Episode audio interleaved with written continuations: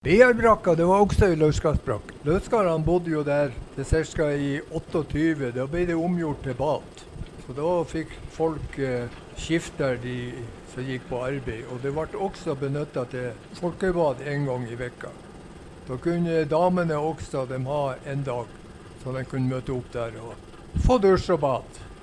Og eh, en annen ting som er litt spesiell, det var jo det at en gang i vekka så fikk man forskudd på lønninga. Og det kom opp eh, på Limbanen. Og det Der lå det i konvolutter i en eh, kasse.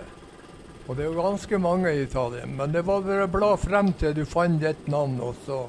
Og eh, det var ikke det store beløpet, men i den tida så var 20 og 30 kroner det var ganske mye.